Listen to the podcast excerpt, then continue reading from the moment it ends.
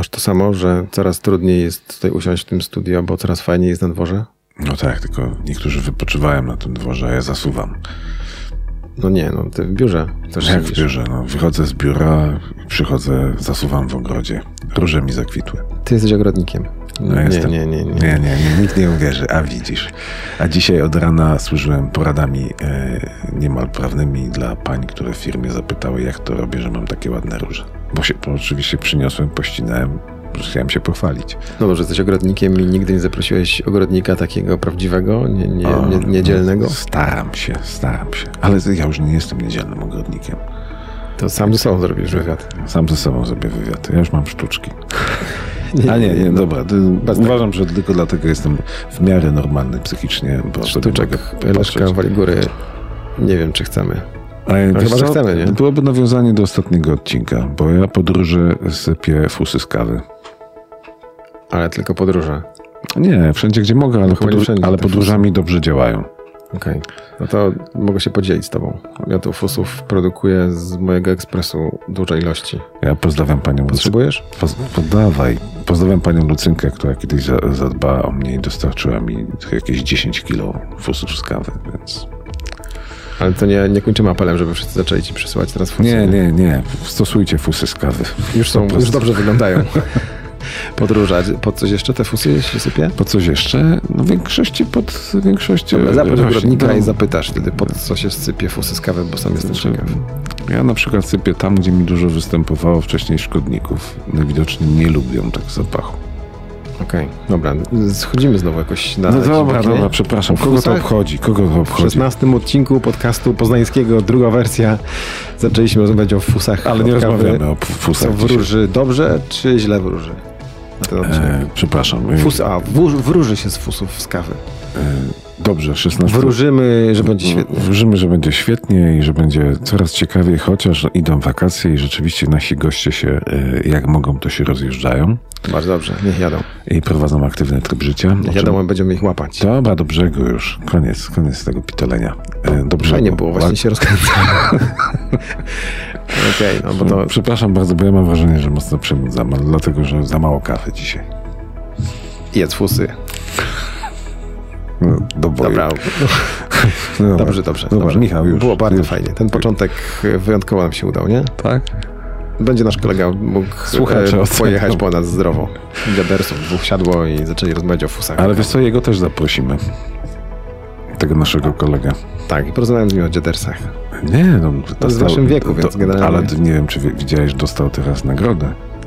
Że Hmm. jest najlepiej gadającym w Polsce. O, O, a widzisz, mamy hak. czyli, specjalista. Dobra, nie mówimy więcej, bo się zorientują nasi kochani słuchacze, z, kto to jest, a ani jemu Dobra, ale nie jest- zależy, ani nam może. To jest na, na, na, mamy takiego słuchacza. O. Mamy takiego słuchacza, który dostał nagrodę. Poświęciliśmy mu sporo czasu. Pozdrawiamy. Tak jest. A, a póki co wracamy na tory. Będziemy dzisiaj rozmawiać o y, drużynie szpiku. Organizacji charytatywnej, która jest chyba z najbardziej znaną charytatywną organizacją w Poznaniu. I która tym zaraża wielu ludzi. która tym zaraża wielu ludzi. To jest zasługa. Na pewno się będzie bronić ta pani przed tym, ale chcę powiedzieć bardzo wyraźnie jednej osoby, z którą będziemy dzisiaj rozmawiać. Tak jak ostatnio mówiłeś, tutaj żeśmy mieli mało szarpaninek, to będzie z naszą gościnią rozmawiać. Trafiło na mnie i porozmawiałem o tym, jak stworzyć taką najfajniejszą, najbardziej prężnie, może nie najfajniejszą, ale najprężniej działającą w Poznaniu, albo jeszcze inaczej, najbardziej widoczną w Poznaniu organizację charytatywną. I to jest nasza pierwsza gościnia, I potrzebną. na pewno potrzebna. A Tak, dlaczego to też o tym teraz, opowiemy? Teraz doszliśmy tutaj przy tym stole do, e, do takiej informacji, że obaj zostaliśmy dawcami. Znaczy potencjalnymi dawcami. O, Tak, może tak, tak. Zostaliśmy obaj dawcami, ty zostałeś trochę inaczej, bo ty w punkcie krwiodawstwa, ja zostałem dawcą. Właściwie nie pamiętam, chyba też w punkcie krwiodawstwa, ale z drugi sposób, taki Bardzo prosto. bardzo prosty. Można zamówić pakiety, które polegają na tym, że się pobiera wymaz z ust, pakiet się odsyła i automatycznie może zostać dawcą, właściwie nie dawcą, kandydatem na dawcę, bo, bo tych dawców dobiera specjalny system, jakiś pewno komputerowy, czy może sztuczna inteligencja, ale to dosyć prosta, No, musi być zgod, procedura. zgodność. musi być zgodność. Dobra, ale to o tym będzie w rozmowie. Będzie, będzie więcej w rozmowie, tak. A druga rozmowa? Druga rozmowa. kompletnie zmiana tematu, ale temat taki związany z kolei bardzo z tym, co, od czego żeśmy zaczęli, z wiosną. Będziemy rozmawiać o tym, co zrobić z rowerem, jak się już go ma. E, Michał pytał, ja posłucham, bo mi się odpowiedzi przydadzą, bo mój rower się wziął i zepsuł. Ale to, to, nie jest tak, że będziemy rozwiązywać Nie? problemy Nie? rozwi- zepsutych rowerów, tylko tak trochę ogólnie porozmawiać. Aha, no Tam dobra. musisz po prostu zabrać rower i jechać do serwisu. nie, tego sam, nie go sobie, sam go sobie rozbiorę. Ale trochę porozmawiamy o tym, e, na czym się jeździ, na czym się jeździ teraz, na czym się jeździło kiedyś, w jakim kierunku rowery zmierzają i, i jak już ktoś ten rower ma, to jak się nim zająć, żeby jak najdłużej posłużył. Ostatnio widziałem patent na rower, na którym się nie pedałuje, ale chodzi. To jest rower. No, wygląda jak rower. Wszystko, co wygląda jak rower, jest rowerem i No to jest taka ogólna zasada życiowa. Okej, a jak już wam się popsują nogi i inne e, części ciała związane z e, e, uprawianiem sportu, to przejdziemy do trzeciej rozmowy. I to już jest twoja tutaj Tutaj akcja. jest mo- moja. Co prawda profesor mówi, że martwi się, że nie wypadła dobrze, ale jeśli nie wypadła dobrze, to tylko i wyłącznie z mojej winy. Eee, Nic nie mówię. no, nie mów, no. Że tak powiem, no, tematy na, naukowe są trudne, a to jest, e, to rozmawiamy o czymś, o Ale czym się... to nie jest trudna rozmowa. Na no, pewno. Nie, to nie jest trudna rozmowa. Starałem się, żeby nie była, trochę heheszkowałem. E, e, Mam nadzieję, że, nie, nie, że to nie będzie przeszkadzać. Natomiast rozmawiamy o czymś, czym Poznań moim zdaniem powinien się chwalić. A się chyba nie chwali, to jest taka wiedza nieukryta, nietajemna, ale nieoczywista. Otóż poznańscy naukowcy pracują nad bardzo zaawansowanymi technologiami. I o tym, nad czym między innymi pracują, jak pracują, dlaczego ta praca jest w Polsce trudna, ale mimo wszystko ci naukowcy tutaj zostają, nie uciekają, a Nawet nawet, wracają. A nawet wracają. Właśnie. Właśnie o tym jest ta rozmowa. To co, zapraszamy na 16 odcinek podcastu Poznańskiego, druga wersja. Zapraszamy.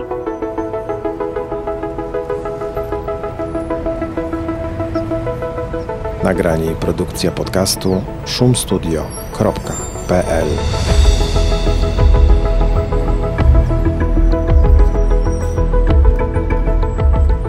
Dzisiaj zaczynamy od osoby, której nie wymieniliśmy z nazwiska, ale to jest ten czas, żeby wymienić. Dorota Raczkiewicz, Spiritus Movens z drużyny Szpiku, kobieta, którą widać y, było, będzie i jest we wszystkich możliwych poznańskich mediach, portalach i gazetach. też Tak, wszędzie. Dorota Raczkiewicz jest wszędzie, ale to jest jej misja. I mimo, że to wszystko bardzo często wygląda na zabawę, to jedna wa- ważna informacja jest taka. E, każdy z nas e, może przystąpić do tego ruchu, nic to nie kosztuje, ale może ura- uratować życie i niejednej osobie już życie uratowało. Im nas więcej, tym lepiej. Posłuchajcie. Czy jest przepis na stworzenie najbardziej popularnej, charytatywnej organizacji w Poznaniu? Nie znam. nie Znasz, znam. znasz. Nie znam, nie znam, nie znam. E, 15 lat. No właśnie. I W 2008 roku No. startowaliście. wiesz co, No, ja ale wie- jesteście najbardziej znaną, najbardziej rozpoznawalną e, organizacją charytatywną w Poznaniu. Więc Dziękuję. A, a myślę, że nie, ale, ale na pewno rzeczywiście jesteśmy rozpoznawalni. Wiesz co, ja wierzę w to, że em, coś się dzieje po coś. I e, pewnie te 15 lat temu e, naprawdę nie, nie, nie wierzyłabym w to, że, że to się tak może zadziać, bo to um, ktoś przyszedł, ja pracowałam w telewizji, ktoś przyszedł, zapukał e, i powiedział, czy mogę zrobić materiał o tym, jak zostać dawcą szpiku. Ja myślałam sobie, że to jest kręgosłup, nie? No bo tak wszyscy, wszyscy myśleliśmy. myśleli. Do tej pory że to ludzi wiesz, tak myśli. tniemy igła, coś A tam. tak nie było kiedyś?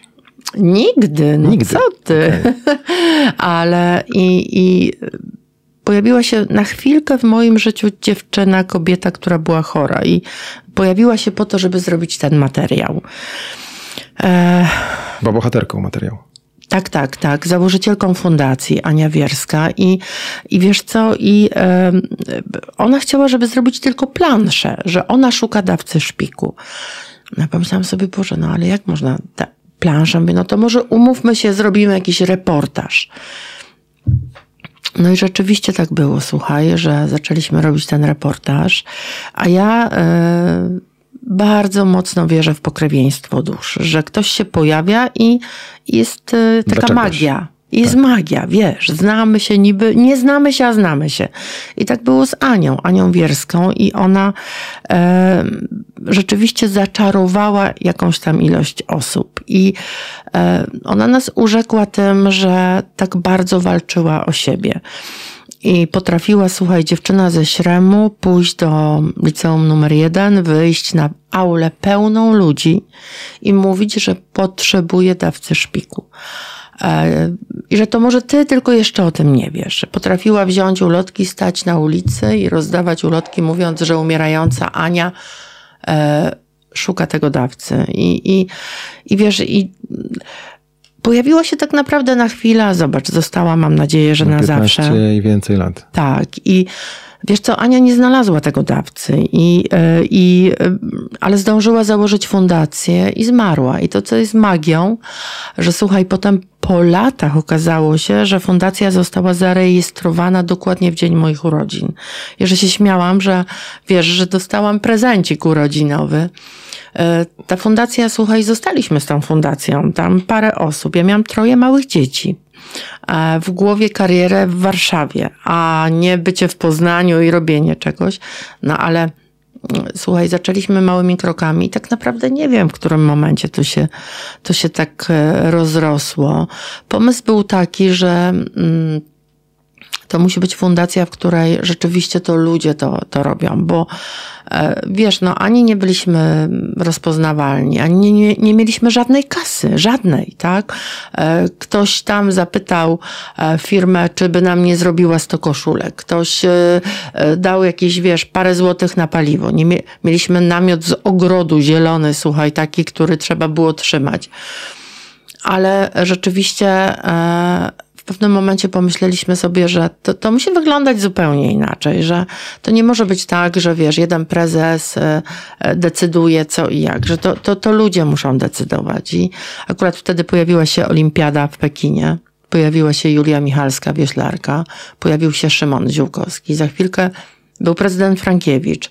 E, Ja pamiętam, jak poszłam do prezydenta i mówię, panie prezydencie, bo ja bym chciała, żeby pana poprosić, bo pan jest, e, oddaje krew, żeby pan może pobiegł jakiś bieg w naszej koszulce. On mówi, okej, no ale o co jeszcze prosicie? A ja mówię, no, no, no o nic, no tylko to. Koszulka. To wy przychodzicie do mnie, y, żebym ja koszulkę ubrał, a my mówimy, no tak, tak. I rzeczywiście ten świat biegowy się ruszył. E, Pamiętam taki moment, kiedy jechałam pociągiem przed e, maratonem w Poznaniu i odebrałam telefon i ktoś mówi, halo, dzień dobry, tu Kasia Bujakiewicz, bo ja chciałabym do drużyny szpiku. I wiesz, i, i odłożyłam ten telefon, pomyślałam sobie, tak, tak, tak i nie uwierzyłam, Zapraszam. nie? Nie uwierzyłam na początku i rzeczywiście e, i był taki moment chyba, nie wiem, działaliśmy 3-4 lata i em, to był pierwszy moment, w którym pomyślałam, ojej, wiele się zmieniło, nie? Wiele się zmieniło. Dotarliście teraz- do wszystkich celebrytów w Poznaniu. No chyba większości? tak, tak. No, no to Nikt wam nie odmówił? Nie, nie, nigdy nie było sytuacji, wiesz, to były też trochę inne czasy i rzeczywiście e, ta łatwość była taka większa. Ym, Wiesz, naszym kapitanem na dzień dobry został Piotr Grejs, on był kapitanem Lecha. Ale wiesz, wtedy na przykład dostęp do piłkarzy Lecha był zupełnie inni- inny. Oni po prostu przyszli na imprezę, na jedną, drugą. My mogliśmy pójść e, do nich na mecz, weszliśmy do Nie trzeba się E, było przebijać przez rzeczników. nie, nie było takiej sytuacji, wiesz. E, teraz to jest nierealne i niemożliwe, nie? Żeby e, piłkarze Lecha na przykład przyszli do nas na mały piknik na winogradach, nie? To, to w ogóle nie ma tak, to, to chyba, to Musi chyba by się nie pismo, zadziało, Zgoda, nie? menedżer. Tak, i wiesz co, no, e, dużo rzeczywiście tych drzwi nam otworzyła na przykład w sporcie, czy Szymon Ziółkowski, czy, a, czy właśnie w świecie tych celebrytów Kaśka Bujakiewicz, to ona zadzwoniła do Meza, to ona zadzwoniła do Kasi Wilk, to ona zadzwoniła do Libera i to tak rzeczywiście się potoczyło mega fajnie i mm, No, lista Po- nazwisk wspierających was tak, rzeczywiście potem Lux. Torpeda, nasz kolega, który był fanem Lux Torpedy, po prostu napisał do nich, bo czy coś tam i coś tam, nie? Teraz, wiesz, no, no myślę sobie, że tak bardzo się świat zmienił, że, ale my też, wiesz co, cały czas sobie myślę, że e, my wiemy i, i wolontariusze wiedzą, że te gwiazdy są na chwilę, nie? że one, to, to może Ale Kasia... dzięki gwiazdom też trochę jesteście w tym Bardzo, miejscu, wiesz w którym co? jesteście. Kasia Bujakiewicz jest taką prawdziwą wolontariuszką. Szymon Ziółkowski, który chodzi na wszystkie imprezy, które trzeba. Jacek Mezo, który ubiera koszulkę, wczoraj biegł w maratonie w Grodzisku, tak? I on zawsze w tej koszulce i wszyscy wiedzą. I to jest robota ogromna, którą wyko- wykonują. Sylwia Grzeszczak, która e, e, regularnie odwiedza dzieciaki chore, tak? I ona rzeczywiście wchodzi na oddział, czy idzie do domu dziecka i ona jest z tymi dziećmi, tak? I, i my, y, ja mam świadomość, że oni są na chwilę, a, a resztę tej roboty trzeba wykonać dzień za dniem. Nie? Właśnie, tym bardziej, że wy jesteście o tyle specyficzną organizacją, że nie, wy nie walczycie o wsparcie dla siebie de facto, dla fundacji, tylko wy walczycie o taki cel, który jest dosyć abstrakcyjnym celem, takim bardzo ogólnym. Tak? Wy walczycie o to, żeby ludzie zgłaszali się do, Dokładnie. do, y, do centralnego rejestru. Tak i wiesz, i jeszcze jesteśmy o tyle w takiej trudnej sytuacji, że my nie mamy prywatnego rejestru. Nie? my właśnie. nie, nie, nie mówimy zapisz się do nas e, albo coś. My e, głośno mówimy, że najważniejsze, żebyś został krwiodawcą czy dawcą. Tak? I mówimy, musisz iść tam, musisz zrobić to. My przyjedziemy do ciebie, e, czy to z krwiobusem, czy e, z pałeczkami. E, I, i, I wiesz, no to taka trudniejsza robota, bo my tylko mamy mówić, zachęcać, edukować, Do czego co nie informować. macie wpływu. E, tak, no I z czego nie macie kasy. Tak no, no bo z samego, wiesz, bycia dawcą my nie mamy żadnej kasy, tak, nie? dokładnie. W pewnym Ale- momencie pojawiły się na, na naszej drodze e, chore dzieciaki, chorzy ludzie, bo, bo to tak naturalnie wychodziło, że ktoś szuka, potrzebuje krwi, a ktoś jest chory na białaczkę e, i, i to jakby taka kolejna noga była, nie? Oprócz tej powiedzmy biegowej, e, piknikowej, edukacyjnej, ta, ta, ta, ta kolejna noga, czyli ci chorzy, którzy się pojawiają, e, oni też napędzają, wiesz, napędzają tą rozpoznawalność, napędzają te działania, dlatego że kiedy mówisz, że nie wiem, chore dziecko e, potrzebuje krwi, to jest inaczej, kiedy mówisz, że w ogóle krew jest potrzebna, tak? Kiedy mówisz wyraźnie, e, że ktoś, e, nasza Ola e, potrzebuje nerki, teraz ją ma, jest zupełnie innym dzieckiem i mówisz, to jest Ola, ona potrzebuje tej nerki. E, Ta nerka nie będzie wam potrzebna gdzieś tam, gdzie pójdziemy potem. To jest zupełnie inny komunikat, więc rzeczywiście... na tak, i rzeczywiście tę robotę ogromną wykonali chorzy, nie? I wykonują chorzy sobą. Ja zawsze mówię z taką ogromną wdzięcznością, że dziękuję, że nas wpuściłeś do swojego świata, nie? Bo to, wiesz, to jest taki, kiedy choroba się pojawia, to jest taki moment, e, który rozwala wszystko i i teraz, y, jeżeli ty jeszcze masz się otworzyć i powiedzieć, tak, potrzebuję. Są sytuacje, w których wiesz, potrzebujesz pieniędzy i wtedy jest łatwiej e, może sobie powiedzieć, muszę to zrobić, ale kiedy potrzebujesz krwi, czy to. to Czy nerki? tak, tak. To wtedy kupić. jest, wiesz, to wtedy y, rzeczywiście ludzie, mam wrażenie, że potrzebują takiego konkretu. I jeżeli mówimy, że ja to widzę bardzo konkretnie przy paczkach szpikowych, że jeżeli ja mówię, że potrzebujemy dla dzieci e, tego i tego i tego, to dobrze, ale kiedy pokazuję, to jest Olek, ma 8 lat, uwielbia samochody i straż pożarną, to ludzie wtedy są bardziej wezwani do tej pomocy. Nie? I to Mają jest, konkretną e, osobę, której tak, można pomóc. Tak, tak, tak.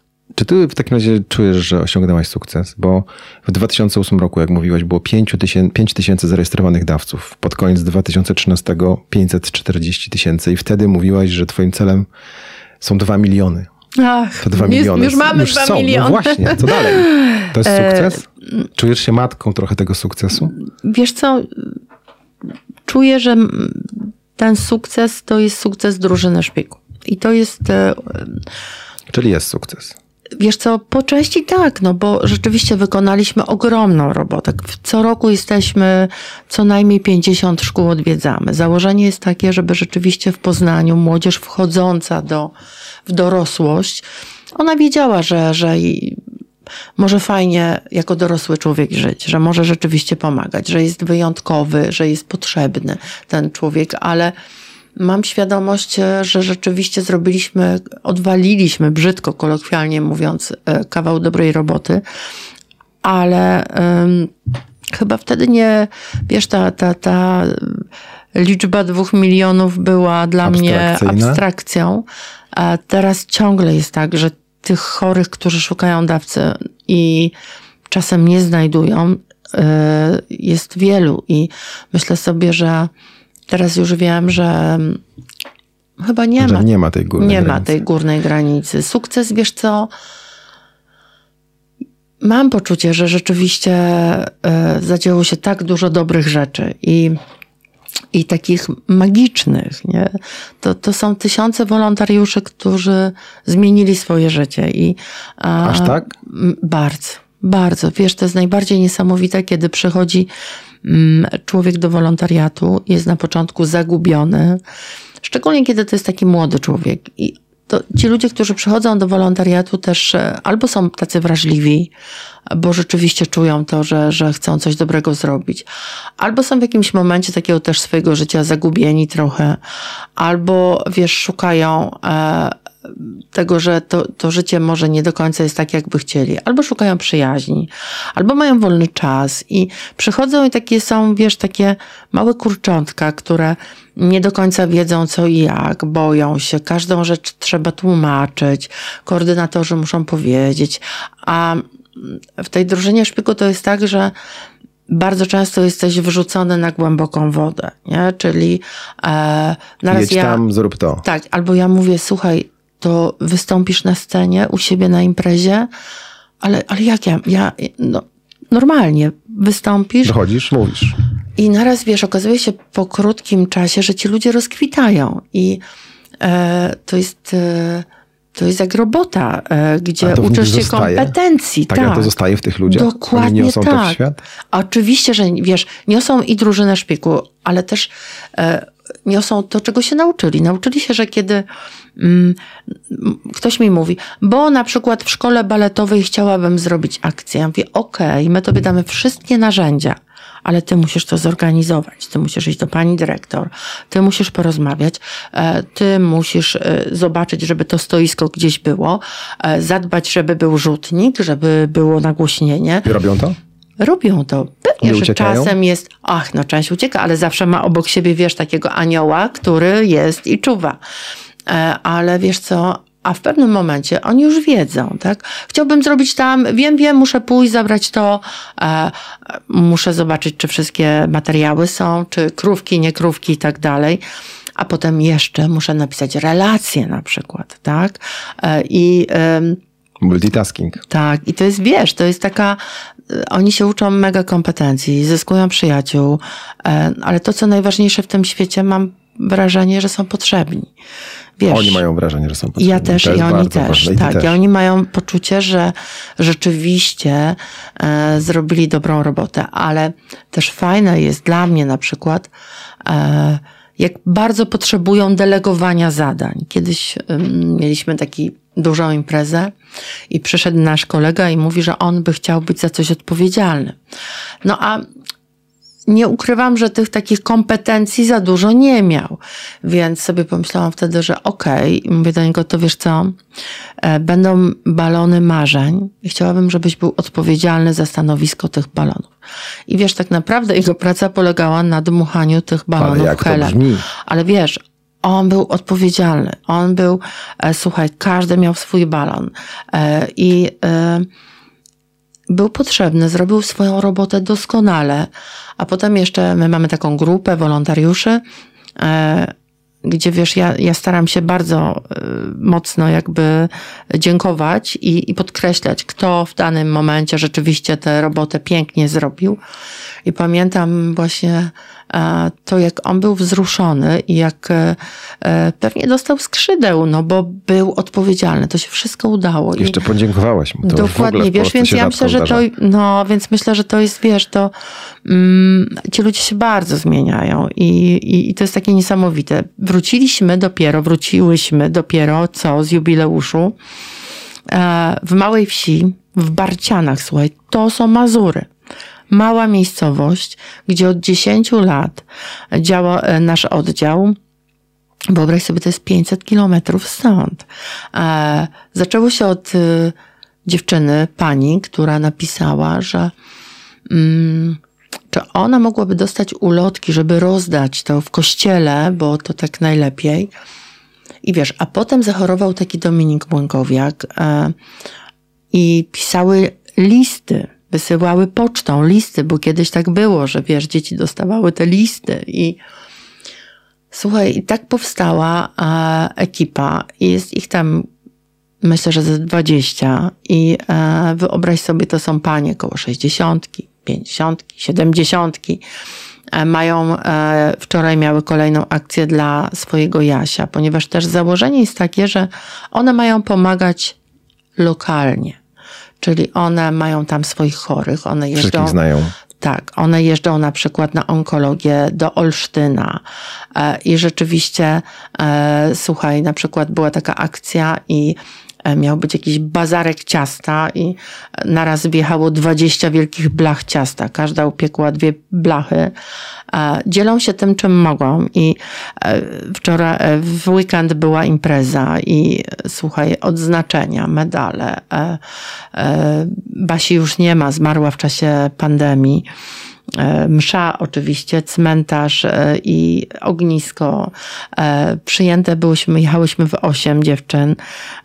Rosół domowy, makaron krojony, No, słuchaj. przyjechała w końcu. No, ale wiesz co, no, ja, dla nich to jest oczywiście wydarzenie, że, że my przyjeżdżamy, że ja przyjeżdżam, ale Ale na co dzień robią swoje po prostu. muszą, bo no, no bo taka to robota, wiesz, nawet jak się nie chce, to na raz jest telefon i ktoś zadzwoni i mówi, że e, ktoś zachorował. Wczoraj nasza ekipa była w Baborówku e, i, i jest tam Szymek, który jest bardzo chory i wiesz, to tak nawet jak ci się nie chce, to naraz masz Musisz. impuls, sygnał, e, coś tam. e, Za chwilkę będziemy na Pyrkonie, e, gdzie zawsze jest wielka akcja krewni, krewnych Pyrkonu, gdzie tysiące dzieciaków młodych dowiaduje się, że może zrobić coś fajnego i w tych przebraniach wchodzą do krwiobusu, rejestrują się, oddają krew. Wiesz, no, no dużo jest tych rzeczy. Za chwilkę będziemy z, na memoriale lekkoatletycznym, gdzie przyjadą największe gwiazdy, gdzie e, będziemy mówić o tym, że, że po pierwsze jesteśmy im wdzięczni, że robią taką robotę, ale po drugie chcemy kolejny raz poznaniakom powiedzieć, mm, że możesz zrobić coś fajnego. Bo to, widzisz, teraz przypomniało mi się, że z tą rozpoznawalnością to jest trochę tak, że na wszystko jest czas i czasem musisz 10 razy coś zobaczyć, żebyś za jedenastym pomyślał, jeden może rzeczywiście, no znowu oni, albo ktoś Coś wiesz, wiesz, że znowu krwiobóz, kurczę, może to jest jednak dla mnie, albo w momencie, w którym nie daj Boże pojawi się choroba, ty wiesz, gdzie zapukać. To zapytam cię w takim razie, mm, jaki jest efekt tego wszystkiego? Tego skoku z 50 czy z 5 tysięcy zarejestrowanych dawców do, do 2 milionów, taki medyczny bardzo. Wiesz co, efekt jest taki, że ludzie rzeczywiście już wiedzą, że to nie boli, że jest bezpieczne. Jeszcze nie do końca wiedzą, o co chodzi. A dla chorych? A dla chorych jest taki, że tych żyć uratowanych to, to, to nie umiemy policzyć, tak? Tych, Czy każdy, kto potrzebuje, znajduje swojego dawcę? no jeszcze nie, jeszcze nie, jeszcze nie. Mamy taką dziewczynkę Amelkę, która tego dawcę rzeczywiście też szuka bardzo długo i, i Bardzo długo to znaczy? E, Ona dwa lata Dwa i lata. tego dawcy nie ma. Tak jak nie było dawcy dla naszej Ani. Ale wiesz co, rzeczywiście jest tak, że... No, ale bo e, tych dawców też szuka się w bazie nie tylko polskiej. tak, to, to jest baza tak, że europejska. Polska, europejska, światowa. Światowa. My jesteśmy na drugim miejscu w Europie i, e, i, i Natomiast wiesz, musimy wiedzieć, że te dwa miliony to jest tylko takie hipotetyczne, bo przecież ktoś skończył te 60 lat i już nie będzie mógł być dawcą, a ktoś zachorował, a ktoś, e, e, wiesz, e, jest w ciąży, a ktoś zrobił tatuaż, albo coś się zadziało, może nie chcieć, ale dlatego tak ważne jest, e, wiesz co, to, żeby mówić o tym, żeby to była świadoma decyzja. Ja na tej swojej drodze przeżyłam bardzo wiele sytuacji, w których dawca się wycofał. I dzieciaki, które były przygotowywane już, albo Żyły z tą mentalnie. myślą, że to się no wydarzyło. i teraz sobie wyobraź rodzic, który wie, że ktoś jest gdzieś tam, Człowiek. no ale się odmyślił. Z imieniem, nazwiskiem. No i wiesz, i, i łatwiej jest, e, kiedy tego dawcy nie ma, bo cały czas jesteś w nadziei, że on się znajdzie, ale trudniej jest, kiedy wiesz, że ktoś jest. I ta nadzieja No, no i to są takie rzeczy, wiesz, Na tej drodze też było mnóstwo, bo efekt jest taki, że tych istnień jest bardzo dużo uratowanych, ale też e, bardzo dużo osób pożegnaliśmy i to są takie historie, które, e, które są trudne. Za dwa tygodnie mamy niesamowite spotkanie. Ja, ja już czekam bardzo do Lizawki, do naszych przyjaciół wolontariuszy. Zaprosiliśmy te rodziny, które spotkaliśmy przez te 15 lat. E, będą rodziny. Dzisiaj, wczoraj potwierdziła e, Małgosia Młęgowiak. E, to była jedna z najcięższych walk o życie dziecka i, i to, to, to było coś niesamowitego. Dominika z nami nie ma już wiele lat. Mm, pamiętam jego pogrzeb, kiedy Lechi, Wiara Lecha z nami pojechała. Odpalaliśmy racę i kiedy na pogrzebie, bo on był kibolem takim, e, kiedy był z prezydentem na stadionie, na meczu, a teraz przyjeżdża jego mama na spotkanie. Przyjadą dzieciaki, które były kiedyś chore, a teraz mają swoje dzieci. Przyjadą rodziny, które są, są wolontariuszami, bo wiesz, ten sukces, kiedy myślę o sukcesie, to myślę o tym, że najcudowniej jest, kiedy rodziny, które, którym pomagaliśmy naraz y, albo po wyzdrowieniu, albo po pożegnaniu, przychodzą, mówią, to my byśmy chcieli teraz pomagać, to my byśmy chcieli iść do szkoły, my byśmy chcieli być na akcji, my byśmy chcieli mm, zrobić coś dobrego. I to jest, y, wiesz, to, to, to jest wtedy takie jest poczucie, tak. Ale też ta drużyna szpiku to jest naprawdę taka ekipa, która się bardzo lubi. Za dwa tygodnie mamy e, wolontariacki spływ kajakowy, gdzie będziemy płynąć e, e, z Puszczykowa do Poznania i, i będzie nas, nie wiem, 50. Tak, będzie nas 50 kajaków albo więcej, albo mniej. I rzeczywiście wolontariusze całymi rodzinami wtedy przychodzą. To jest takie święto. Chodzimy na kręgle, chodzimy. My musimy się lubić, żeby chcieć być ze sobą. No w wolontariacie chyba nie da się inaczej. Tak trzeba, bo wiesz, bo no i wiesz, wolontariat jest też taki mega trudny. On, e, ty możesz prosić, możesz oczekiwać. Na tym to polega niestety. Ale nie możesz kazać. Wiesz, to nie jest jak w robocie, że powiesz, proszę to zrobić, tak? Ty musisz, ale też musisz mieć z tyłu głowy, ja to ciągle powtarzam tym, temu sztabowi, e, że musisz mieć z tyłu głowy, że może się okazać, że ten wolontariusz albo nie da rady, albo coś mu wypadnie, albo coś się zadzieje, e, no i wtedy trzeba się wziąć do roboty. Natomiast e, też trzeba mieć świadomość, że wolontariusz przychodzi na chwilę. Na ten, w tym momencie, w którym może, w którym chce, w którym jest e, dobry czas, bo on przychodzi, on nam pomaga ale na przykład, wiesz, wyjedzie do roboty gdzieś tam, do pracy za granicę, jego nie będzie, tak? No a był i był ważnym ogniwem i, i e, to jest taka zmienna. Tych wolontariuszy było tak dużo. Mm, Myślę, że większość pamiętam. Będą nowi, oczywiście, ale świat się też zmienił. Młodzież jest inna. E, I, i Trzeba też widzimy. się nauczyć obsługi nowej tak, młodzieży. Tak, myślę, że to my się musimy do nich dopasować. Oni e, mają swoje spojrzenie na życie. Nie? Dorota, będziesz mieć tort z 15 świeczkami każą ci pomyśleć o marzeniu. Jakie to będzie marzenie Doroty Raczkiewicz? Wiesz co, to ciągle jest to samo marzenie, żeby rzeczywiście tam każdy chory miał szansę i znalazł dawcę, nie? Ale też takie, wiesz co, takie rzeczywiście codzienne marzenie, że chciałabym, żeby tych wolontariuszy było dużo, żeby było łatwiej pozyskać pieniądze, bo świat się zmienił e, i bardzo trudno jest e, w tej chwili rzeczywiście tę kasę zdobyć. Poza tym tak dużo osób potrzebuje pomocy, że czasem, e, wiesz, nawet nie mamy śmiałości prosić, bo wiemy, że obok naprawdę jest tragedia. Ale tak sobie myślę, że chciałabym, no, żeby to wszystko rzeczywiście. E, było tak jak kiedyś? Tak trwało i żeby to było takie, wiesz, żebyśmy mieli siłę, zdrowie, chęć, żeby ludzie byli otwarci na to pomaganie, żeby mieli empatię w sobie, e, żeby młodzi ludzie naprawdę poczuli, że e, to bycie wolontariuszem to jest coś naprawdę niesamowitego. Także zapraszam, bo, bo tych rąk potrzebujemy do roboty bardzo, bardzo dużo. Zapraszamy do wolontariatu, a z drugiej strony bardzo szybko, w jednym zdaniu, clue, to co najważniejsze w waszej działalności, jak się zgłosić do, do bazy, e, do Centralnego Rejestru Szpiku. Zapraszam drużynę Szpiku Po prostu wygooglujcie i wejdźcie. Pamiętajcie, że dawcą można zostać każdego dnia. Albo idziecie do regionalnego centrum, do krwiodawstwa, albo do krwiobusów, albo piszecie do DKMS-u, prosicie o e, patyczki. E, no i proszę Was, pamiętajcie, że bycie dawcą to jedno, bycie krwiodawcą to coś ważnego. Na sam koniec powiem tylko jedną rzecz. Jedno dziecko chore na przykład na białaczkę czasem potrzebuje 300 osób, które oddadzą krew. To jest armia, armia krwiodawców, e, armia ludzi, którzy, e, którzy po prostu chcą i nic za to nie dostają. Oddawajmy krew, zgłaszajmy się do rejestru. I pamiętajcie, że e, fajnie jest mieć oświadczenie woli w portfelu i myśleć o tym, że osób czekających na serce, na nerki, na wątrobę, na trzustkę. Oświadczenia woli dotyczące zgody tak. na pobranie organów tak. w przypadku Dokładnie śmierci. tak. To Bo to nam się gdzieś, gdzieś tam, gdzie będziemy albo nie będziemy, nie przyda.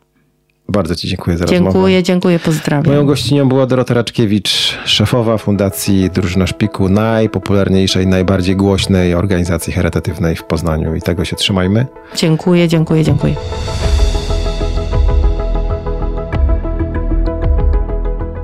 Kiedy Michał mi powiedział, że będzie rozmawiał z tym panem, to przyznam szczerze, chciałem wziąć mój zepsuty rower na plecy i go przytaszczyć tutaj. Myślałem sobie sobie tutaj jakiś interes za darmo. A specjalnie ci nie powiedziałem, kiedy nagrywamy. No bo to, to, no była groźba, że przyjdziesz, naprawdę. Była groźba, że przyjdę, bo nie mogę sobie z tym moim dziadostwem poradzić. E, ale... E, to jest rozmowa czysto teoretyczna. To jest rozmowa czysto teoretyczna, ale ważna, proszę Państwa, bo Michał rozmawia z kim? Moim gościem jest Darek Schulz, współwłaściciel serwisu i sklepu e, rowerowego, bardzo profesjonalnego, fajnie działającego od wielu, wielu lat, e, Bike Park. I Zapraszamy. Na pracy nie narzeka. Na pewno nie narzeka na brak pracy, tym bardziej w tym sezonie trudno było się z nim umówić, bo wszyscy naprawiają rowery, serwisują, rowerów jest y, coraz więcej. A czy to prawda, że tak ciężko części do rowerów? Nadal? A widzisz, o to nie zapytałem. A widzisz. No ale skoro naprawia, to znaczy, że je ma. Zapraszamy kupiłem rower. I co dalej? Mój sąsiad mówi, że właściwie taki rower ze sklepu trzeba rozebrać i złożyć na nowo po swojemu. No, częściowo to prawda. Czy jednak? To znaczy, y, we wszystkich porządnych sklepach, serwisach usłyszy się po zakupie roweru, nawet nowego, mm, tym bardziej używanego, myślę, ale załóżmy, że no, zakładam, że kupujemy ten nowy, tak? E, że trzeba wrócić do nie, z nim w dość krótkim czasie na tak zwany przegląd zerowy czy gwarancyjny, różnie to jest nazywane w sklepach. I rzeczywiście to jest e, wskazane ze względu na to, że mechanizm, który zaczyna być używany, a który był składany gdzieś tam w fabryce, nawet sprawdzony przed sprzedażą w serwisie sklepu, zakładam dobrego, e, wymaga jakiejś korekty zazwyczaj. On po prostu zaczyna tam mieć te swoje naprężenia podczas tych pierwszych jazd. Chrupiać. Tak, wtedy mogą się ujawnić jakieś tam niedokręcone do końca dobrze śrubki, czy, czy całe podzespoły. A to jest taka po pierwszej przejażdżce? Nie, nie, nie od razu po pierwszej. No to by było bardzo źle, jakby po pierwszej coś odpadło, czy tam się poluzowało, to znaczyłoby o takiej naprawdę albo pechowej sytuacji, albo po prostu źle przygotowanym rowerze do sprzedaży, tak. Nie, raczej chodzi tutaj o, myśmy w, w mojej takiej pracy stosujemy taki taki hmm, miernik, nie wiem, 10 godzin jazdy powiedzmy. Okay. albo jakieś 100 kilometrów na przykład przejechane, tak? Czyli no to wiadomo, że trudno wiosną, to sztywno wyznaczyć. Tak? Jak ktoś kupił wiosną rower, to w tej chwili już powinien być w serwisie. No zazwyczaj. No tutaj jedni jeżdżą w weekendy i, i uzbiera się tego kilka przejażdżek rocznie, a inni robią 100 kilometrów podczas pierwszej przejażdżki. To tak naprawdę właśnie też zależy jaki to rower, tak? No bo są rowery wycieczkowe, tam dojazdowe do pracy, ale są rowery sportowe i tutaj zakładam, że taki wytrawny ktoś trenujący na rowerze pokonuje nierzadko więcej niż 100 kilometrów podczas No to mówimy treningu. o wyczynowcach. I mhm. mówimy też o sklepach takich jak, jak, jak wasz sklep, w którym pracują fachowcy, którzy potrafią mhm. rower przygotować, ale część z nas znaczy kupuje... my po prostu dajemy tę informację przy sprzedaży mhm. roweru, tak? To tak też powinno wyglądać, że ta informacja już powinna przy zakupie gdzieś tam dotrzeć do W sklepie klienta. rowerowym, ale tak. część z nas kupuje jednak w, w marketach na, przykład, na przykład, w internecie. Jeszcze, Teraz. No i co wtedy? Ten rower trzeba rzeczywiście no, rozebrać? wtedy rzeczywiście to... Trzeba sprawdzić? Może nie rozebrać do końca. To, to ja zakładam, że no dobrej marki rower, dobrej jakości, on Będzie tam wstępnie jest dobrze skręcony, tak? I jeżeli coś wyszło nie tak, no to podczas tych pierwszych jazd wyjdzie i właśnie serwisant ma e, ma możliwość skorygowania, naprawy, wyeliminowania tych tam drobnych e, jakichś niedokładności, czy nawet wad, bo też się zdarzają oczywiście, to są tak produkty No, jak każde inne, nie? tak. Tam po to jest gwarancja na przykład. E, no tak, i wtedy, i wtedy ten rower jakby sprawdzony daje nam już e, pewność, że możemy przez dłuższy czas, mam nadzieję, do serwisu nie wracać. A ten dłuższy czas to sezon? No tak, to, zależy zależy od też od kilometrów. intensywności używania tego roweru, sposobu używania, rodzaju roweru, jego jakości. Ale no, każdy powie tak choćby asekuracyjnie, że raz w, sezonie warto oddać ten rower do takiego sprawdzenia. Okej, mam w internecie teraz całą, wpisuję w wyszukiwarkę w jakimś tam portalu rower i widzę rowery począwszy od tysiąca złotych, kończy, skończy, kończymy powiedzmy sobie na, na, na 10 tysiącach. Czym się różni rower od, ten ty, za tysiąc złotych od tego za, za 10 tysięcy? No, zdecydowanie powinien różnić się jakością, jeżeli No to są na takie pewno. różnice. Ale tak? już tak Czyli- bardzo praktycznie. No, będzie miał wyższej klasy komponenty. Przede wszystkim będzie miał ramę z lepszego materiału prawdopodobnie. Lżejszy będzie pewnie, chociaż nie we wszystkich rowerach to jest tak naprawdę najistotniejsza cecha. Ta lekkość roweru, ale, yy, ale be, powinien mieć po prostu wszystko znacznie Wszystko lepszej lepsze. jakości. Tak, tak, tak. Lepszej Coś, jakości, co- czyli co, to dłużej wytrzyma? Mm, Będzie bardziej niezawodne? można tak uprościć, powinno dłużej wytrzymać, powinno znieść więcej. Większe, znieść większej, powinno większym, bardziej wymagającym rowerzystom. e, No jakby ten rower sprawi e, mniej kłopotów, tak? Bo, bo rower kupiony mm, w markecie, powiedzmy jakimś, e, no gdzieś tam ta cena wynika jednak z mocnych oszczędności, czyli No jakichś niemarkowych, no niestety, nie, nie jestem fetyszystą marek, chociaż no, marka niestety daje zazwyczaj jakąś gwarancję jakości, bo ktoś się ją chce... za różną cenę oczywiście też. Też, oczywiście. Są różne pułapy, bo, bo, bo zakładamy, że jeden rowerzysta będzie właśnie potrzebował roweru raz w miesiącu na przejażdżkę weekendową do parku, czy tam, nie wiem, nad jezioro Tak. odległe o 5-10 kilometrów i, i to go zadowoli. Czyli rocznie przejedzie tam raptem może kilkaset kilometrów I dla i nie potrzebuje osoby, do tego roweru za 20 tysięcy, czy te 10 nawet, tak? czyli dla takiej osoby, która przejeżdża właśnie Mhm. kilkaset kilometrów rocznie, taki rower za, za 1200-1500 złotych wystarczy?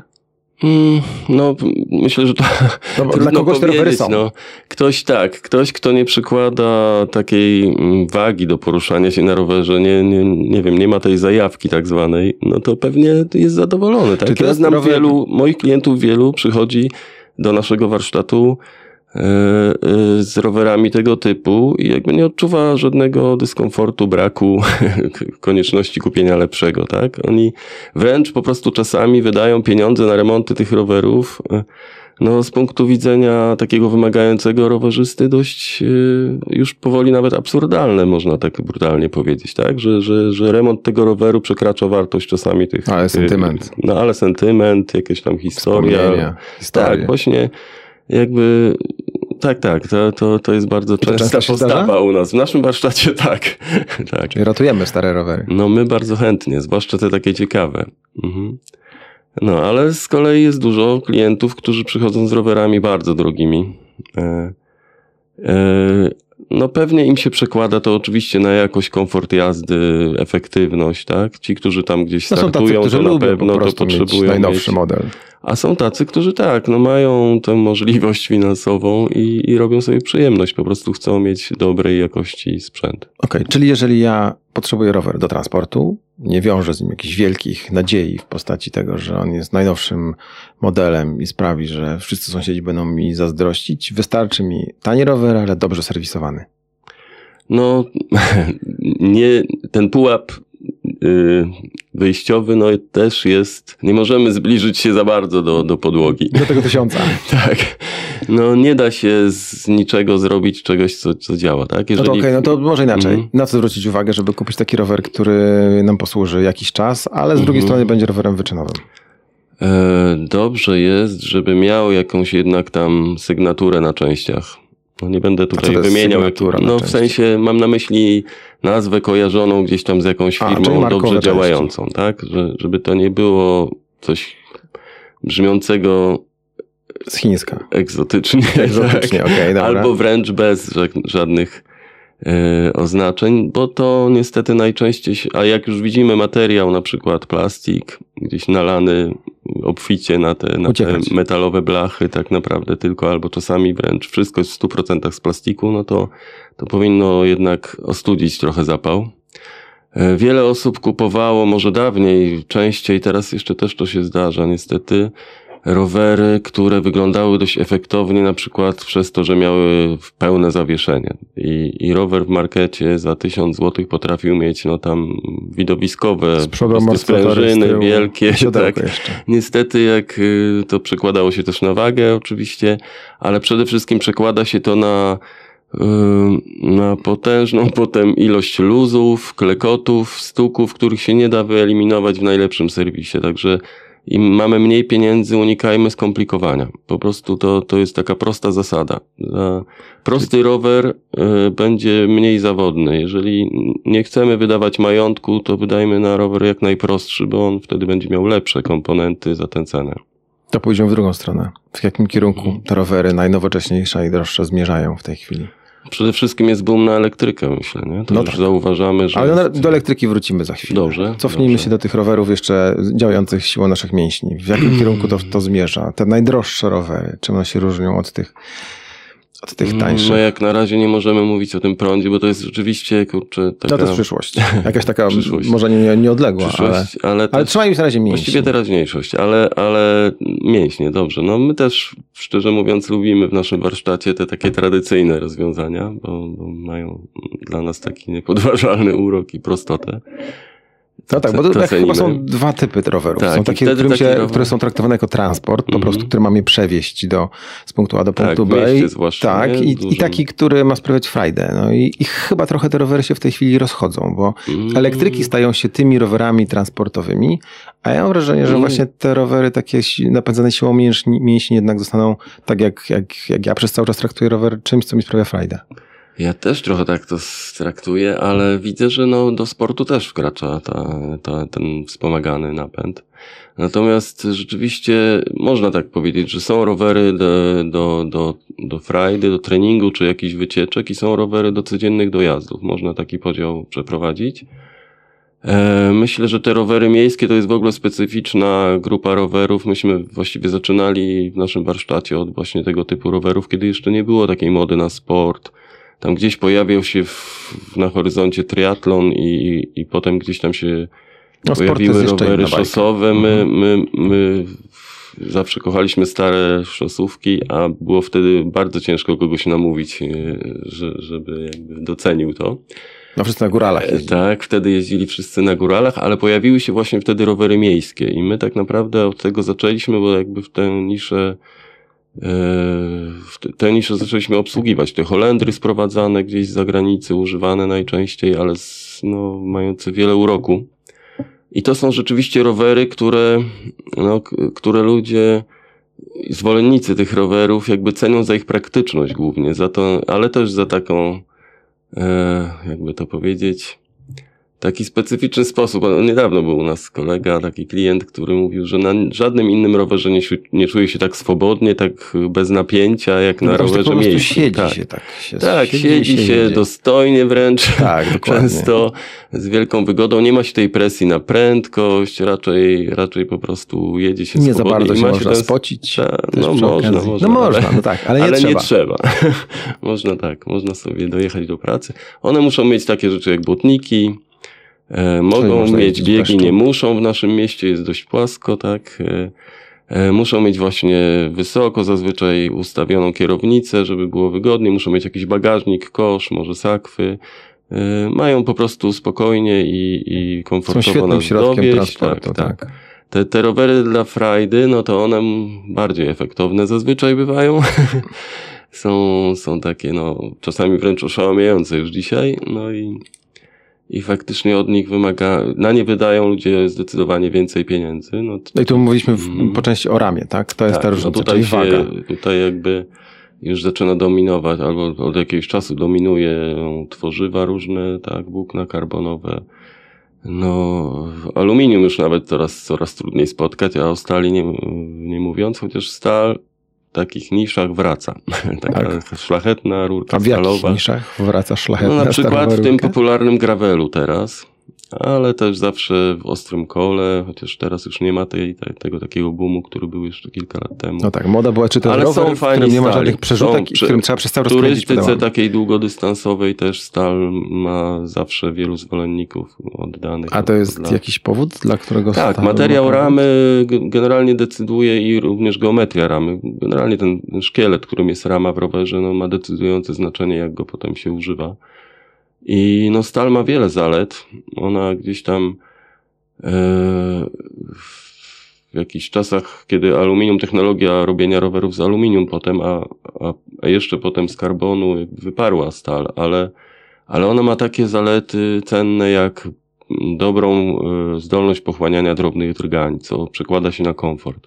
Jest też długowieczna, dlatego że rower stalowy nie traci swojej wytrzymałości, tak jak na przykład aluminiowy i karbonowy i nie wiem, 50-letni rower stalowy dla mnie jest o wiele bardziej godny zaufania niż, y, niż aluminiowy czy, czy karbonowy, super lekki, dawniej no, drogi nawet rower, ale nie sądzę, żeby po 50 latach można go było dalej bezpiecznie używać, a stalowy Zużywają można. się. No on traci swoją sztywność, swoją odporność na... W ogóle aluminium i karbon są o wiele em, bardziej wrażliwe na takie udarowe jakieś e, Wywrotki. sytuacje, tak, czyli źle zniosą zderzenia, wywrotki, uderzenia generalnie. Stal się wgniecie, ale zazwyczaj nie pęknie. Ale pojedzie. Może się skrzywić ewentualnie, ale dalej, tak, tak, dalej jeździ. No pęknięty czy taki uderzony rower karbonowy, nawet czasami nie widać pęknięć, a może być już e, e, niestety taki trochę niebezpieczny. Ramy mamy z głowy. Mhm. Co dalej w tych, w tych rowerach najdroższych się montuje?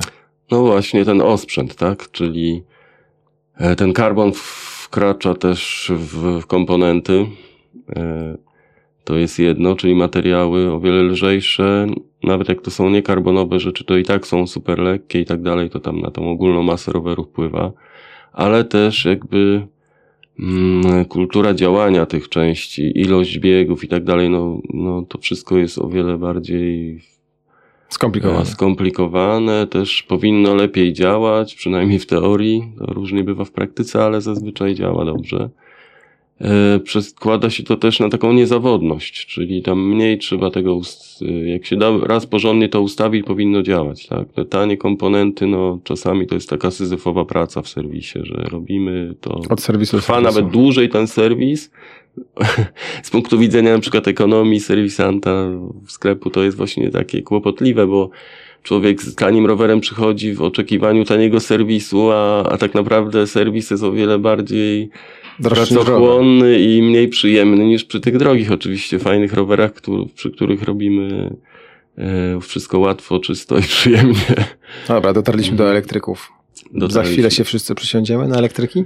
No, jak się obserwuje na zachodzie tendencje, no gdzie może też zasobność portfeli jest większa i to ma na pewno też No bo różnica w cenie też jest y, dramatyczna między elektrykami i Y, elektrykami. Tak, tak. To jest jeszcze ciągle w Polsce dość y, taka zaporowa sprawa ceny tego roweru, ale coraz więcej Polaków na nie stać i to się przekłada, no na, na ulicy widzimy już, tak, te rowery. I w serwisach też je widzimy już częściej.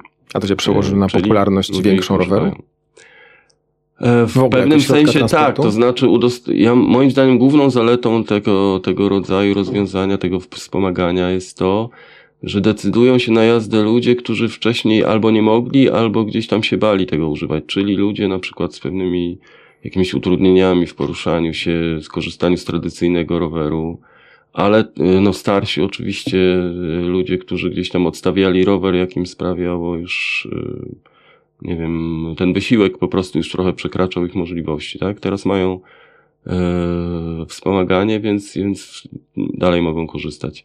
Ale też ludzie, którzy na przykład poruszają się do pracy, a nie mogą sobie pozwolić na to, żeby się bardzo właśnie spocić po drodze, tak? Żeby, żeby gdzieś tam dojechać z gajanym, tak. Wsiąść na rower Tak, no fakt jest taki, że na tym elektrycznym rowerze jedziemy szybko, a się tak nie męczymy, więc dojeżdżamy w formie i w świeżości do, do, do, na, na miejsce.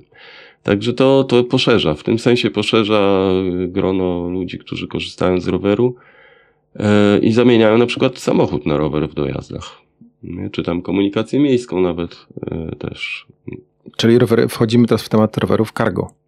A to też jest inna działka. My też mamy w ofercie te rowery i. i Rowery widzimy cargo, czyli rowery do przewożenia towarów. towarów, dużymi, albo z na miejscem przykład na towar. do wiezienia dzieci, co to tak już nie jest. Albo na dzieci. Cargo to nie. Tak, tak dzieci jako cargo. No, cargo w sensie rzeczywiście duże ładunki, a no, może nie elegancko, ale dzieci są w pewnym sensie ładunkiem w pewnym wieku. Poruszającym intensywnie. Tak, no nie jedą jeszcze na swoim rowerze, bo to jest ten etap, tak? Nie możemy ich jeszcze wsadzić na mały rowerek, jeszcze nie ma. No, a są różne dzieci. Są dzieci, które nie chcą jeździć na rowerze. Też są takie, Duże. tak. No, no ale dużych no nie przewieziesz nawet cargo. na tym cargo, nie? To wtedy tandemów pro, proponuję szukać. Natomiast cargo jest świetnym rozwiązaniem też do wożenia dzieci na przykład do przedszkoli, żłobków. I też ich widać coraz więcej Właśnie rezygnacji. Tak. I właśnie to jest duża grupa użytkowników tych rowerów. E, To są rodzice, tacy świeży rodzice, którzy właśnie zaczynają dowozić gdzieś dzieci do placówek edukacyjnych najczęściej. No ale to już też jest e, chyba taki Przy- klient, który ma troszeczkę inną świadomość. Tak, e, oczywiście. Poruszania się po mieście Mhm. w ogóle. Tak, no to, to też wymaga pewnego takiej pewnej refleksji, czy ten samochód nie sprawia już tutaj więcej kłopotów niż, niż pożytków, tak? I to i wiele osób dochodzi do takiego wniosku, że tak. I wtedy szuka. I jeżeli mają ten problem, że na przykład no łatwo jest się przestawić na rower, e, właśnie nie musząc niczego albo nikogo wożo, wozić, a w tym momencie, kiedy zaczynamy mieć, nie wiem, jakąś firmę albo właśnie dzieci do przewiezienia, no to wtedy jest ten argument, no tak, ale ten samochód jest właśnie do tego nam potrzebny, musimy go ciągle mieć. Musimy, musimy. wyjechać. No, myślę, że nie musimy. Możemy to obejść właśnie między innymi w ten sposób, tak. Czyli rower może nie jako, z, nie jako coś, co zastępuje w tej chwili samochód, ale coś, co może e, występować alternatywą na równolegle. pewno. Tak, równolegle, tak. tak. A jest tych rowerów cargo więcej? To jest odczuwalne? Tak, to się powoli robi coraz bardziej popularne. W serwisie też mamy sporo y, już takich serwisów. W zasadzie no, każdego tygodnia przyjeżdża jeden do kilku rowerów do serwisu y, rowerów cargo, tak. Mhm. Pan jeździ rowerem po Poznaniu? Nawet dzisiaj, tak. Jak się po Poznaniu jeździ rowerem? E, ja jeżdżę od zawsze. Odkąd tu mieszkam. Okej. od 90 lat, czyli, czyli już sporo. Gdzie infrastruktura była no, bardziej uboga, jeżeli w ogóle była. No były jakieś tam szczątki już ście, dróg rowerowych, ścieżek różnej jakości.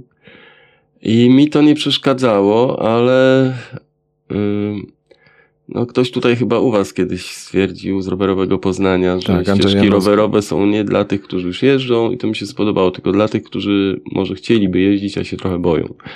I pod tym względem w Poznaniu jest coraz lepiej i to myślę właśnie też się przekłada na coraz większą ilość rowerzystów, więc myślę, że po Poznaniu jeździ się coraz lepiej, tak bym odpowiedział.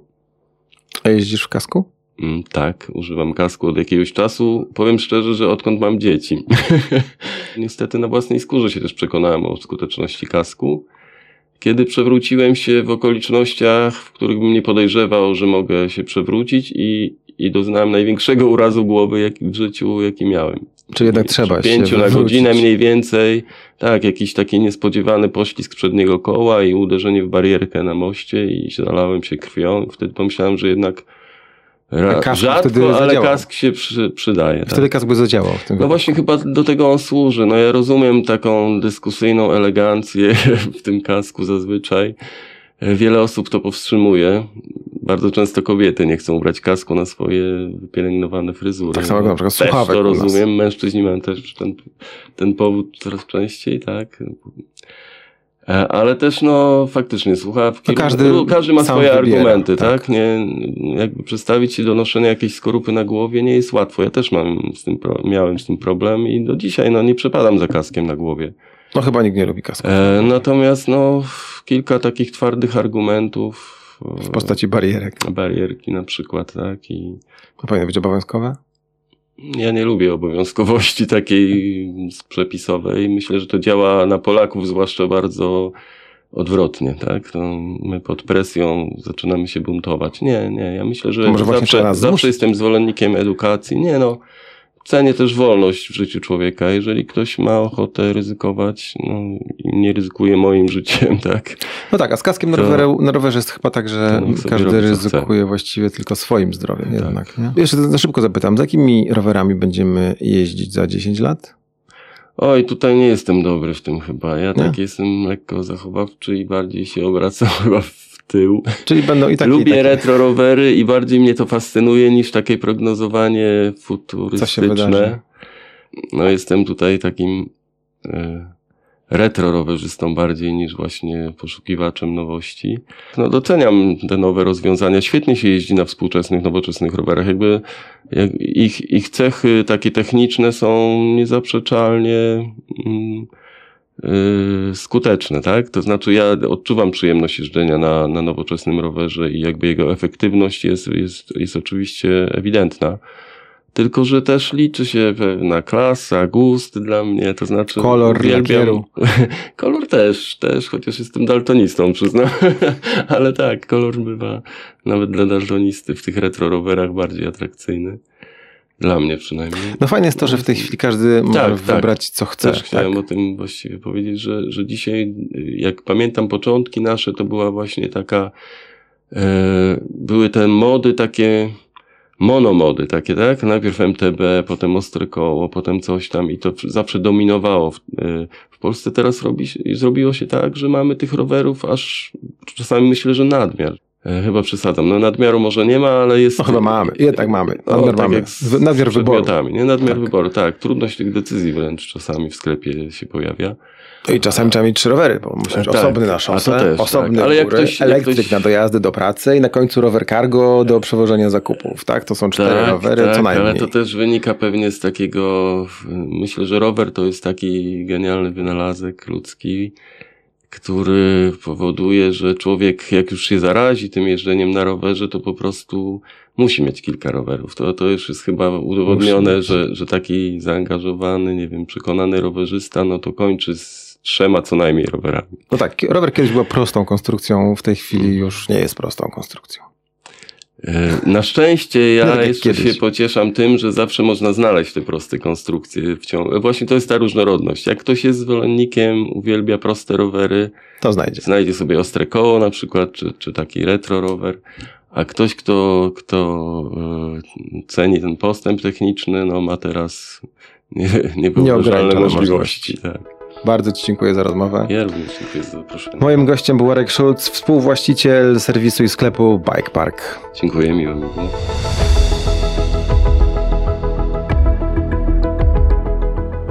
A moim gościem będzie naukowiec, profesor Jakub Rybka z Centrum Zaawansowanych Technologii Uniwersytetu Adama Mickiewicza w Poznaniu. Jeden z wielu naukowców, którzy tam pracują nad rzeczami praktycznymi, takimi, które będą zmieniać naszą, nasze życie, nasze zdrowie, naszą przyszłość. No, rozmowę z między innymi o tym, jak się ludzi będzie naprawiało za jakiś czas. A Właściwie można już naprawiać, tylko są pewne problemy niekoniecznie natury naukowej. Tak, i najbardziej mnie zasta- zastanowił, zainteresował ten fragment, w którym pokazujecie, rozmawiacie o ocenie części ludzkiej i części świńskiej.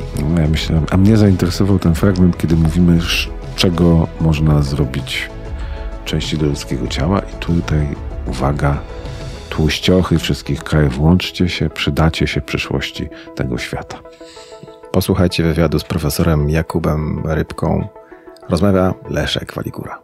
Polecam.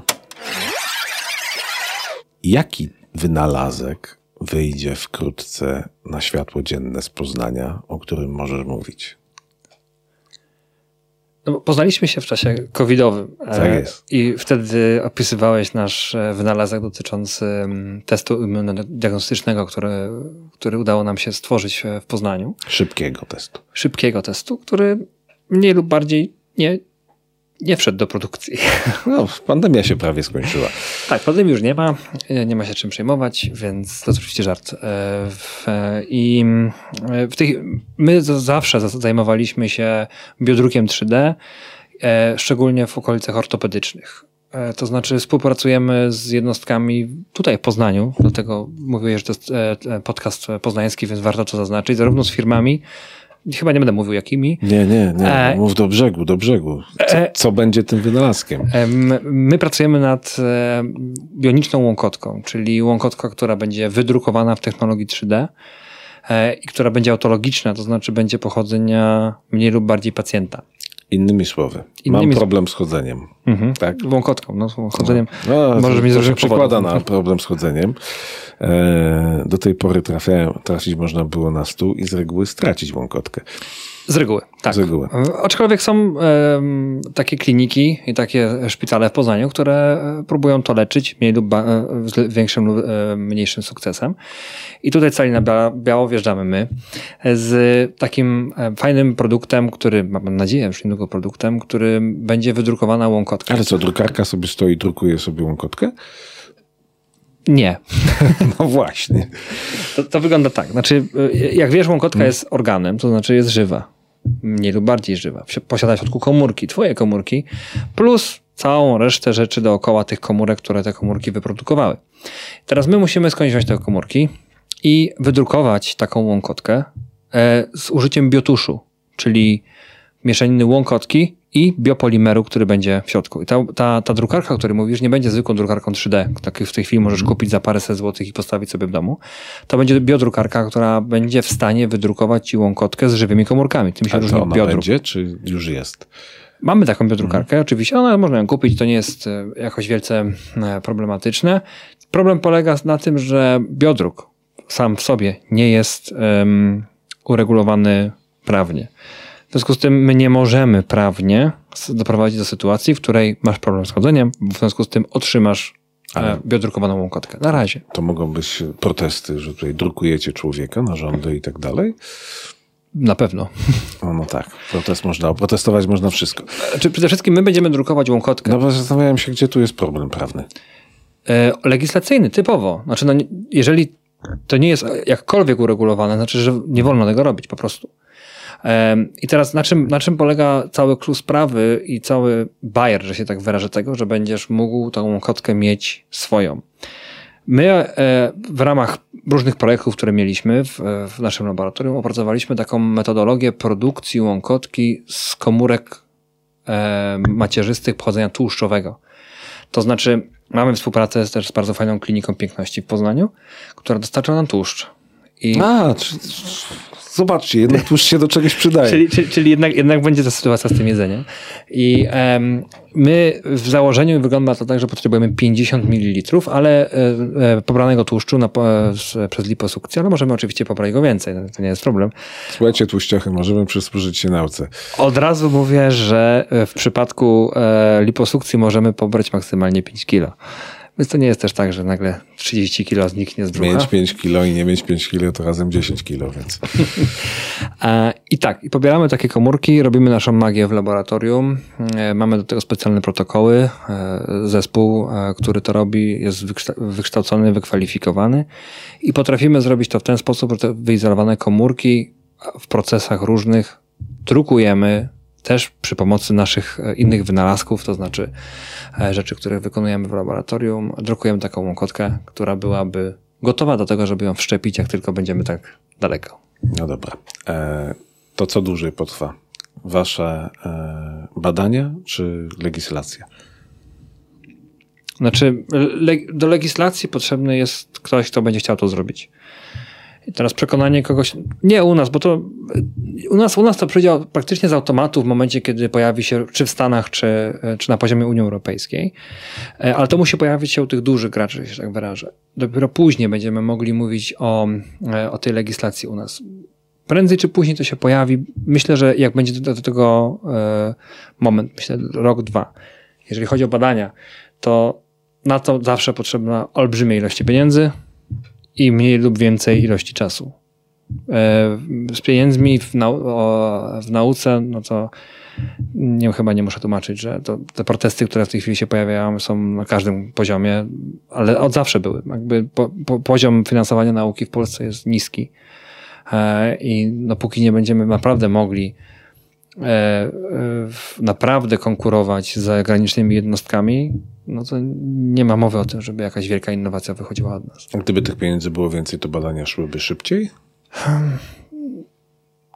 Myślę, że tak. No bo to trochę tak wygląda, że e, naukowcy są, tak? Czy polscy naukowcy są gorsi od innych, lepsi, tacy sami? Czym się wyróżniają? Znaczy my mamy... Mm, to jest, to, jest, to jest dobre pytanie. No, my jesteśmy w, na takim samym poziomie jak reszta Europy. E, I jedyne, co nas rozróżnia, to jest poziom finansowania nauki, bo e, okazało się w międzyczasie, że nasze wydziały, czy nasze centra, czy nasze instytuty są na bardzo podobnym poziomie. Przez pewien, przez pewien czas tak było. A w tej chwili okazuje się, że jednak brakuje nam pieniędzy na to, żeby odnawiać sprzęt, żeby kupować kolejne nowe sprzęty, żeby niestety to jest najgorsze, płacić naukowcom tyle samo, co, yy, co płaci się za granicą. To, ta różnica jest olbrzymia. Oczywiście yy, ja tutaj nie mówię, że naukowcy zarabiają bardzo mało w stosunku do, do, yy, do zagranicy, bo niestety wszyscy zarabiamy mniej w stosunku do zagranicy. I poziom finansowania nauki na pewno jest na niższym poziomie niż e, za granicą. powiedzmy, nie kusi, nie kusi ciebie, nie kusi, czy twoich współpracowników nie kusi, żeby spakować się i pojechać tam, gdzie płacą lepiej. Ja wróciłem. No właśnie. A y, rozumiem, że Exodus... Y, Siedmioletni Exodus w Austrii. Licencjat, magisterkę to coś, to po... i doktorat. Boże. No. Po coś I... wrócił. I, e, i, i e, w 2012 roku e, wróciłem do kraju, no, bo jestem Polakiem, chcę mieszkać i pracować w Polsce i lubię ten kraj. No. Ale to tak popularne stanowisko wśród naukowców? Tak. Y, większość ludzi, którzy, którzy są w takich instytutach e, e, czy na wydziałach, to są ludzie, którzy wrócili. Skądś. Moglibyście tłuc ciężkie pieniądze za granicą i, i, i tam. Ale pieniądze wynalaz... nie wszystko. A wynalaz... No, ale wynalazki też się liczą, tak? Bo, czy... bo w ogóle jesteście specyficznym typem e, naukowców. E, bo w Polsce wszyscy się przyzwyczaili do tych naukowców teoretycznych, co to całe lata piszą dysertacje i tak mhm. dalej. A wy tutaj nie.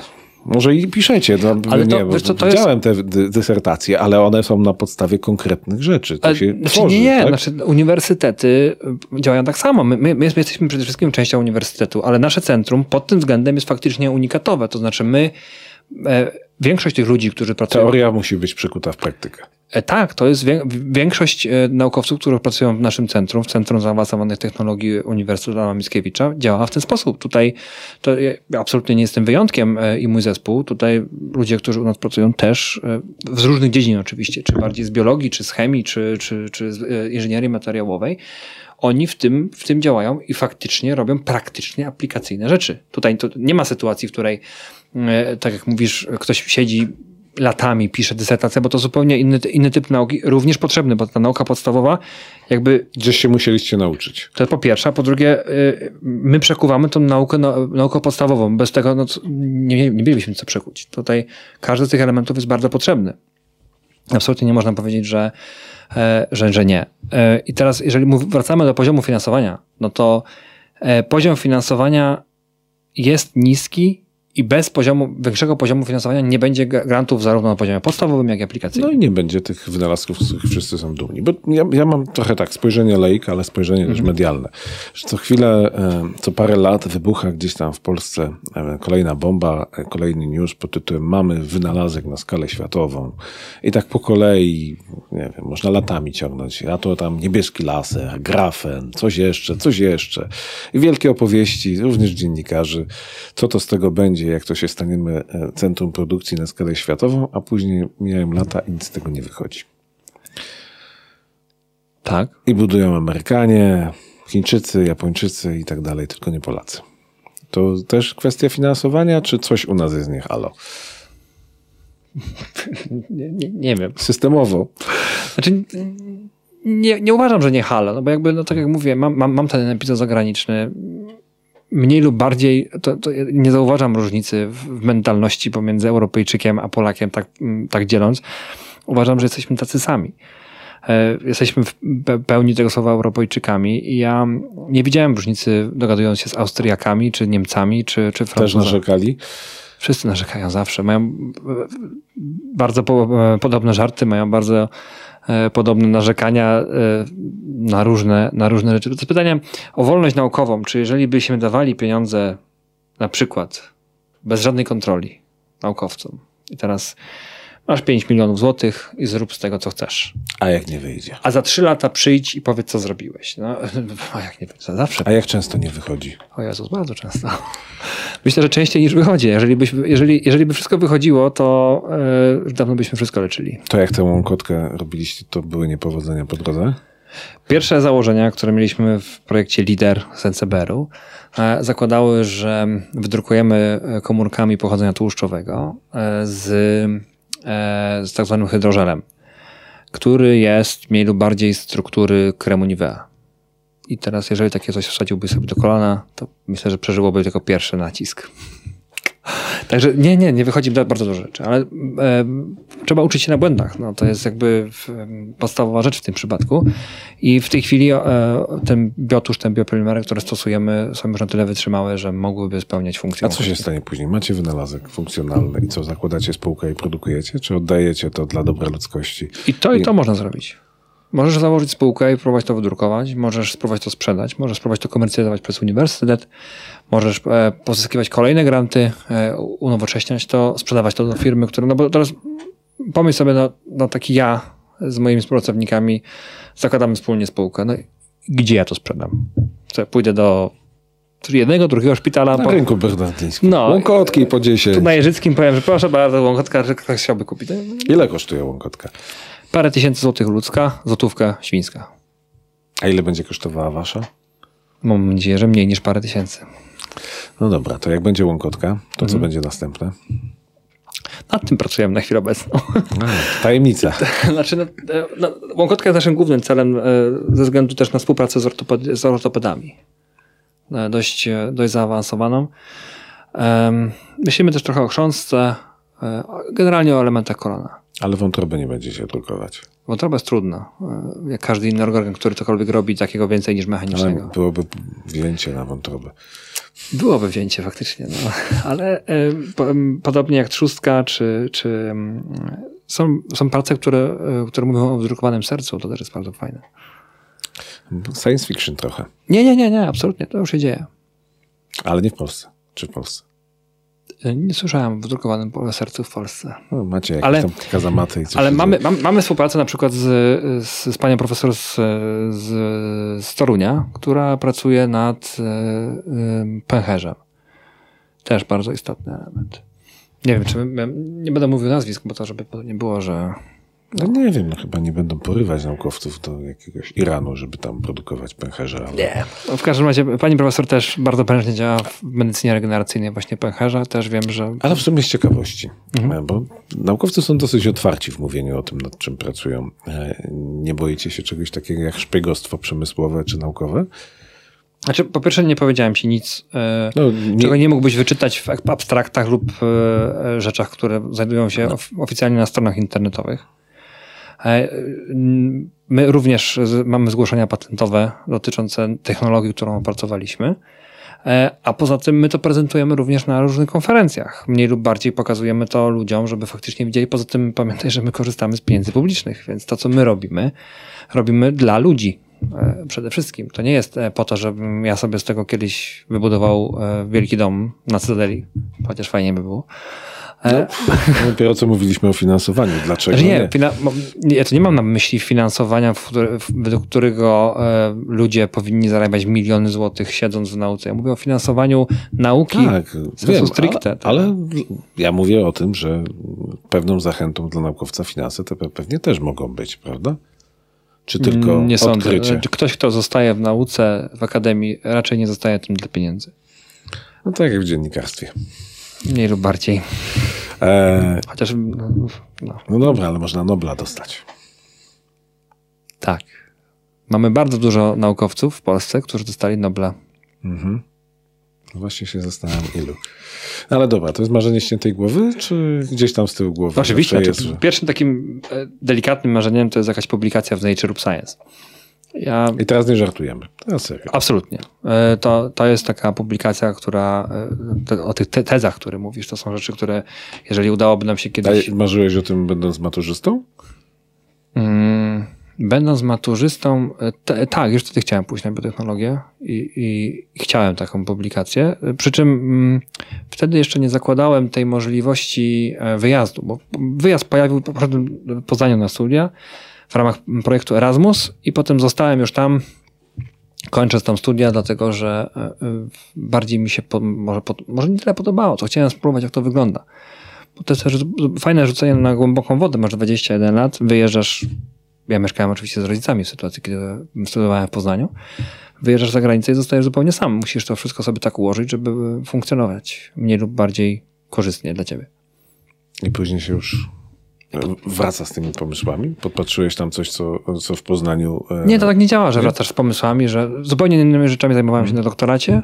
E, wróciłem do Poznania, e, pracowałem z profesorem, który jest światowej sławy chemikiem z nanotechnologii, który stacjonuje, stacjonował w Berlinie.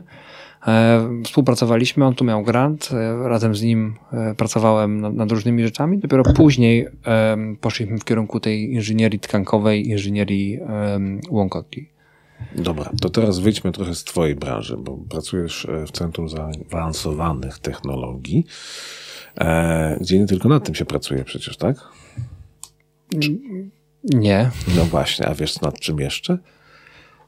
Znaczy, e, mamy, mamy grupy, które specjalizują się w chemii supramolekularnej, w zielonej chemii, w inżynierii materiałowej. No, musisz tłumaczyć. E, i, ale wiesz ja nie wiem, czy ja mogę mówić o, o, o takich rzeczach, szczerze powiedziawszy, bo to jakby, owszem, no, mam stanowisko wicedyrektora, ale e, myślę, że